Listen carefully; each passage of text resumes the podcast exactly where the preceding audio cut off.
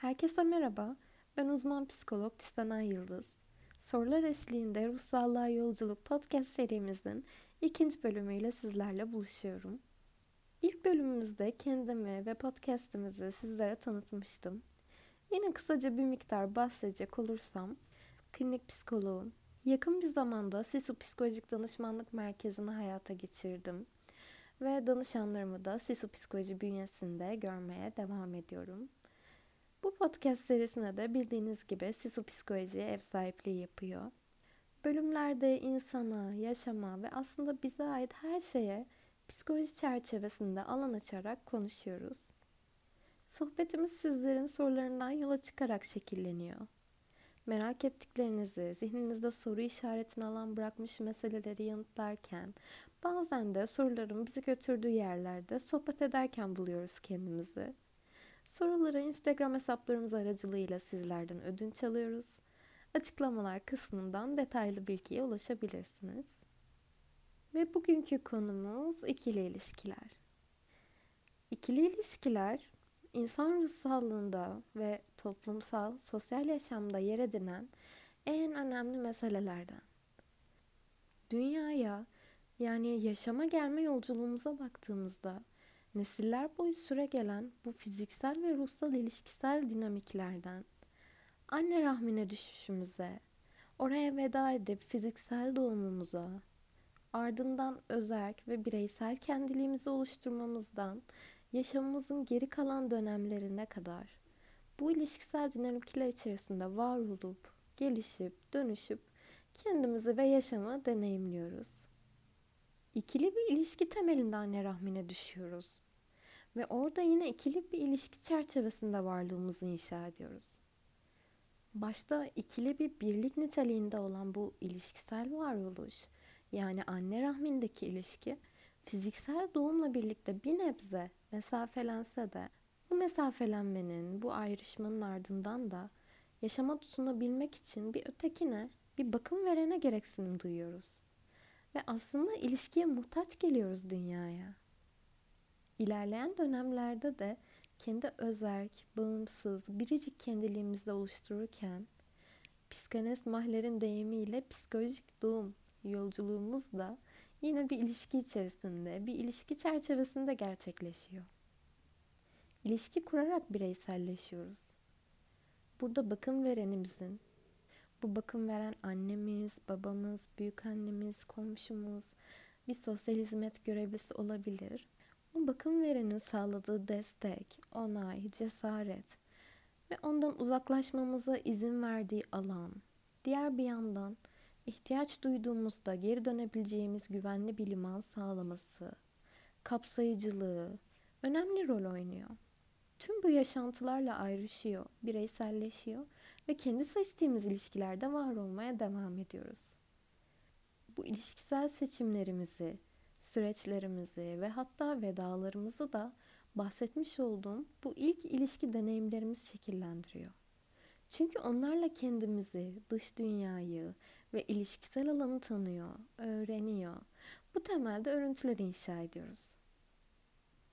Bu nedenle aslında ikili ilişkiler çok derin dinamiklere ve görünmeyen birçok kişiye ev sahipliği yapıyor. Ben çift terapisiyle ilgili her zaman şunu düşünüyorum ve şunu söylüyorum. Her çift terapiye bebeğiyle gelir. İki kişi ilişki kurarken ruhsal dünyaları da ilişki kurar çünkü.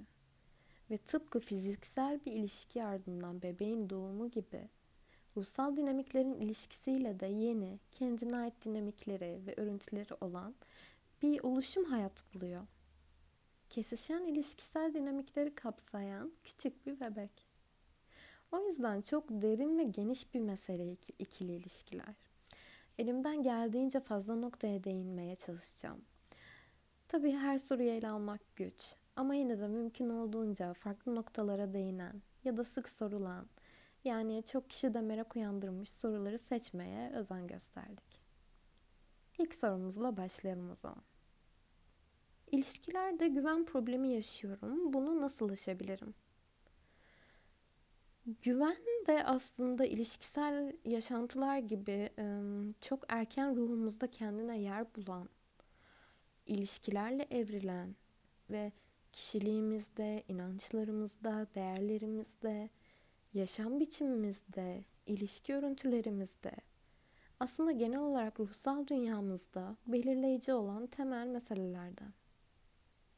Çünkü bahsettiğim gibi ilişkiye muhtaç dünyaya geliyoruz ve güvenmek zorundayız. Bu güvenin bizdeki karşılığı, anlamı da bu şekilde erken dönemlerde oluşuyor. Bu nedenle ikili ilişkilerde çok söz alan bir mesele güven. Sadece romantik ilişkiler olarak bakmayalım buna. Sorular genelde bu anlamda gelmiş çünkü. Ama aslında tüm ikili ilişkiler için geçerli. İş ilişkileri, arkadaşlık ilişkileri, aile ilişkileri, toplumsal ilişkiler, her ilişkide yansımamız var. İkili ilişkilerde güven duygusuna baktığımızda aslında güvenmek, güvende hissetmek oldukça doğal ve insani bir ihtiyaç. Çünkü güvende hissetmediğimiz bir ilişkisel alanda bulunmak, orada durmak, beklemek, o ilişkiyi sürdürmek oldukça zorlayıcı ve yıpratıcı. Burada önemli olan nasıl bir güvenden bahsettiğimiz.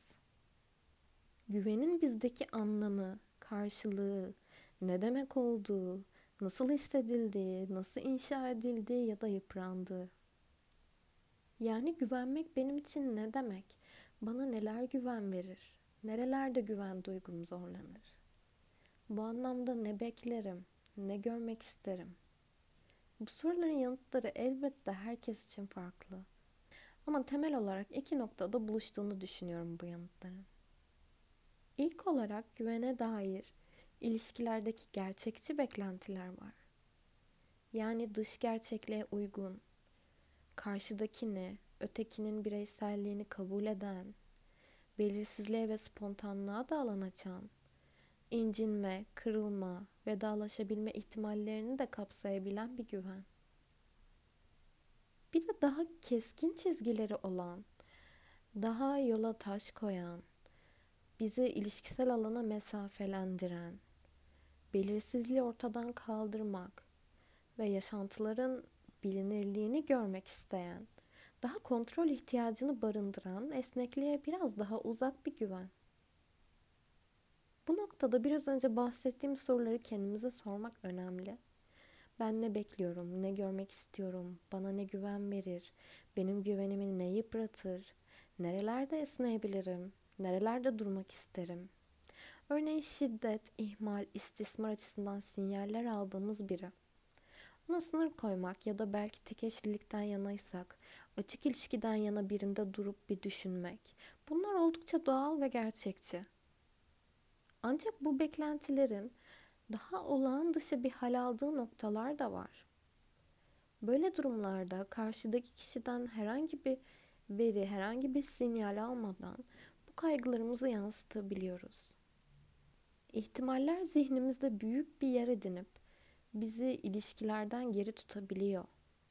Ya da ilişkide karşıdakinin daima ne yaptığını, ne düşündüğünü, nerede olduğunu, kiminle konuştuğunu bilmek isteyip bilinmezliği biraz azaltmaya çabalarken aslında karşıdakinin bireysel varoluşuna alan bırakamayabiliyoruz istemeden. Sonuç olarak şunu içselleştirmek önemli. Bilinmezlik daima orada. Yaşamda da, ilişkilerde de. Yaşamla geleceğe dair bir sözleşme imzalamıyoruz ve imzalayamıyoruz. Kırılacağız, incineceğiz, vedalaşacağız. Bu ihtimallere kucak açmadan yaşama, ilişkilere ve kendimize gerçekten temas etmek mümkün değil. Şimdi konuştuklarımıza dönüp bakarsak aslında şunu görüyoruz. Meselenin özünde biz varız. Bahsettiğim sorulara olan yanıtlarımız, adımlarımız, kararlarımız, sınırlarımız, belirsizliği kucaklayabilme biçimimiz, yara almayı, incinmeyi, üzülmeyi, öfkelenmeyi, veda edebilme ihtimallerini göze alabilmemiz ve bunlarla gelen duyguları nasıl karşıladığımız, onlarla nasıl kaldığımız, ne derece yaşayıp ne derece yatıştırabildiğimiz. Kimse bize güven veremez. Güveni biz alırız. Karşıdakinin bize verebileceği güven ancak bizim alabileceğimiz kadardır. Burada tabii psikoterapi çok önemli bir ışık. Her zaman belirttiğim gibi içgörümüzü geliştirmemiz ve ilişkilerimizi istediğimiz yönde evrebilmemiz açısından oldukça önemli diye düşünüyorum. İkinci sorumuz şöyle. Terk edilme kaygısından ilişkiye başlayamıyorum. Neden böyle hissediyor olabilirim? Bu soru da aslında bir önceki soruyla paralel. İlişkilerdeki bilinmezliğe, kestirilemezliğe atıf yapan bir soru diye düşünüyorum. Bahsettiğim gibi ilişki kurarken ya da o ilişkiyi sürdürürken hayatta hiçbir şey de olmadığı gibi yüzde yüz teminat almak, emin olmak, olabilecekleri, karşıdakinin duygularını, tutumlarını, davranışlarını, düşüncelerini kontrol edebilmek mümkün ve gerçekçi değil. İlişkisel bir alana girmek, bu belirsizliğe kucak açmak ve incinebilme, yara alabilme, kırılabilme, üzülebilme, öfkelenebilme, vedalaşabilme olasılıklarını kabul etmeye gerektiriyor. Evet, belki bu sıkıntı veren ve bundan dolayı zorlayıcı olan tarafı. Ama diğer bir taraftan baktığımızda aynı şekilde bu ilişkisel alana girmek, mutlu olma, heyecanlanma, keyif alma, paylaşma, sevme, sevilme ihtimallerine de kucak açmak demek.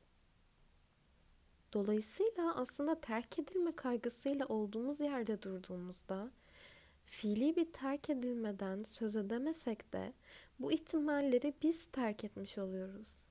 Yine yalnızız. Terk edilsek de ilişkiden geri dursak da. İncineceğiz, yaralanacağız, mutlu olacağız, heyecanlanacağız. Her şey ilişkiye dahil. Sorudan yola çıkarsak şunlara bakmak faydalı olacaktır. Terk edilmek benim için ne anlama geliyor? Bana nereden tanıdık? Bende nasıl duygular ve düşünceler yaratıyor? Ben bu duyguları nasıl karşılıyorum? Onlarla nasıl duruyorum? Ne ölçüde yaşayıp yatıştırabiliyorum? Bunları anlamlandırdığımızda, bunlara ilişkin içgörü kazandığımızda ve işlevsel bir şekilde dönüştürdüğümüzde ilişkisel yaşantılarımız da dönüşüyor. Her zaman söylediğim gibi psikoterapi bu anlamda çok kıymetli. Ve üçüncü sorumuz, ilişkilerde kişisel sınırlarımızı nasıl çizebiliriz? Öncelikle kişisel sınırlar nasıl bir şey bir buna bakalım bence.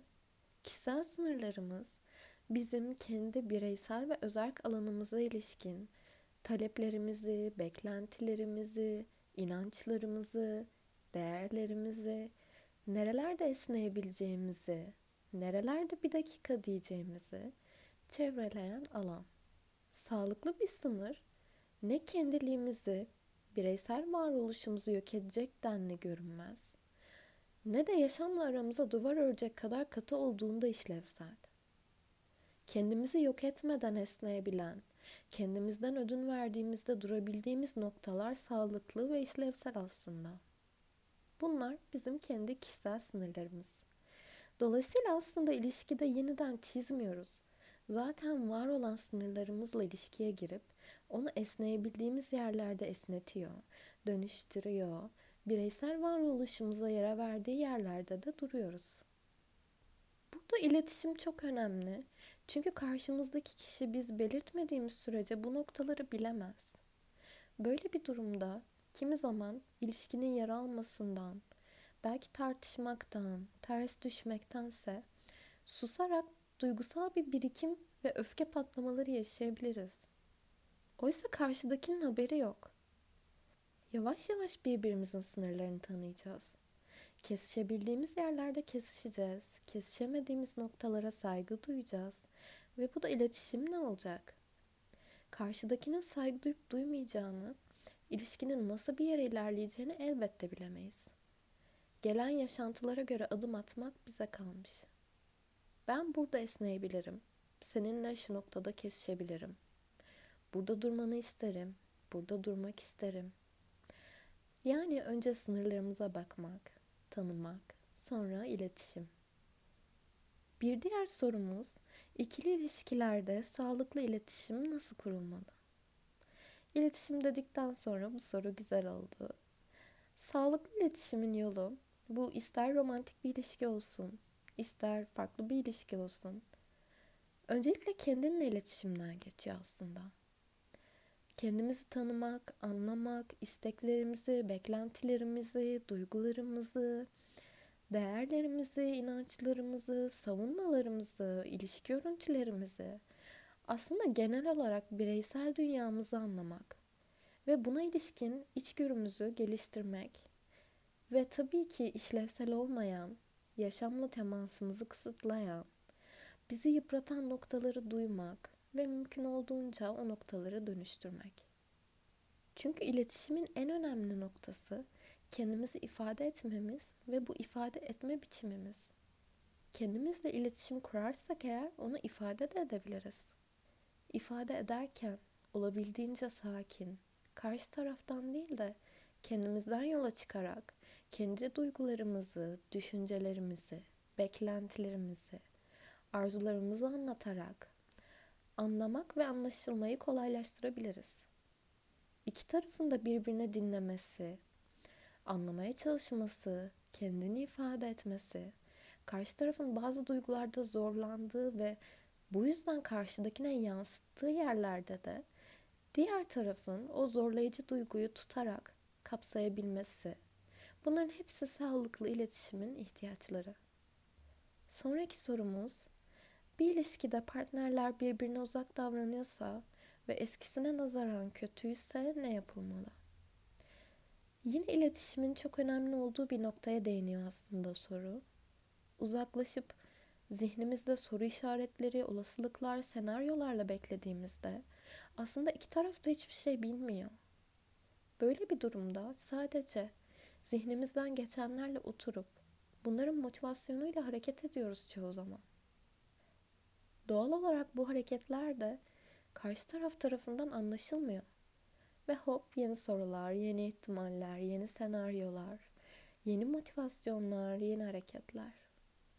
İki tarafta oturup zihninden geçenleri, hissettiklerini, beklentilerini, arzularını, soru işaretlerini paylaştığında gerçek bir iletişimden söz edebiliriz.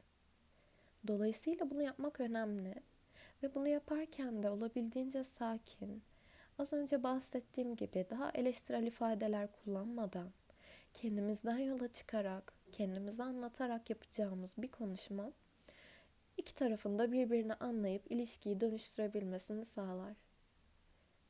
Elbette her zaman bu mümkün değil. Kimi zaman zorlayıcı, kimi zaman yıpratıcı. Bu noktada romantik ilişkilerde çift terapisi desteği almak oldukça fayda sağlıyor. Son sorumuz, ikili ilişkilerde zorlanıyorum, baskı altında hissedip kendimi ifade edemiyorum. Neden?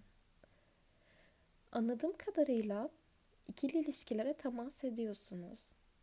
Baskı altında hissedip kendinizi ifade edememenizi bir yana bıraktığımızda öncelikle bu çok değerli bir şey. Geri durmamanız, zorlansanız da o alana girmeniz. Ve yine anladığım kadarıyla çünkü sorularda kişilere dair çıkarım yapmak çok doğru değil. O nedenle genel olarak anladığımı sınırlı bir şekilde yorumlayabiliyorum. O temas ettiğiniz ilişkisel alanda kendinizi var etmekte zorlandığınızı anlıyorum. Yani evet bir etkileşim var. Bir öteki var. Hatta bir baskı da var ama siz yoksunuz. Düşünceleriniz, fikirleriniz, talepleriniz dolayısıyla kendiliğiniz o ilişkide söz almıyor. Ve bir baskıdan bahsediyorsunuz buna eşlik eden. Şöyle düşünsek nasıl olur? Kendinizi ifade ettiğinizi düşünelim. Bir noktada söyleyemediğiniz, ortaya koyamadığınız bir şeyi düşünün mesela. Orada onu söyleseniz nasıl olurdu? Kendinizi ifade ederseniz ne olur? Nasıl hissedersiniz? Aklınızdan ne geçer? Karşı taraf ne der? Nasıl davranır? İlişki nasıl bir yön alır? Ters mi düşersiniz? Uzlaşamaz mısınız? Kabul mü görmezsiniz? Rezil mi olursunuz? Dikkate mi alınmazsınız? İlişki mi zarar görür? Ya da tüm bu ihtimallerin yarattığı o koca belirsizlikle mi boğuşursunuz? En kötü ne olur? Diyelim ki en kötü o ilişki biter. Ya da en kötü tartışır ve kaygılanırsınız. E ama zaten o ilişkide yoksunuz. Bitse ne olur? Ya da zaten kaygılanıyorsunuz. Geri durduğunuz sıkıntı verebilecek yaşantıları farklı bir görünümde yaşıyorsunuz aslında. O zaman neden risk almaya değmesin? Dediğim gibi çok kişisel bir mesele. Bu nedenle size özel bir yorum yapmam mümkün değil tanımadan. Ama bu soruları bir gözden geçirmek, kendinizi bu pencereden bir dinlemek size fayda sağlayabilir. Ama önce kendiniz ve sonra ilişkileriniz adına yapabileceğiniz en faydalı şey psikoterapiye şans vermek olur diye düşünüyorum. Evet, herkese kıymetli soruları için çok teşekkür ediyorum. Açtığınız farklı pencereler için, bu güzel sohbet için. Yanıtlar sizlerde bir yerlere temas edebildiyse ne mutlu. Önerileriniz, yorumlarınız, düşünceleriniz bizim için çok değerli. Çünkü böylece hem etkileşim kurmuş ve ilişkisel bir alanda buluşmuş oluyoruz. Hem de sizin geri bildirimlerinizle bölümleri şekillendirebiliyoruz. Profildeki iletişim bilgilerimizden bize ulaşabilirsiniz. Yeniden farklı meraklarda, farklı yanıtlarda, farklı sohbetlerde buluşmak dileğiyle. Hoşçakalın.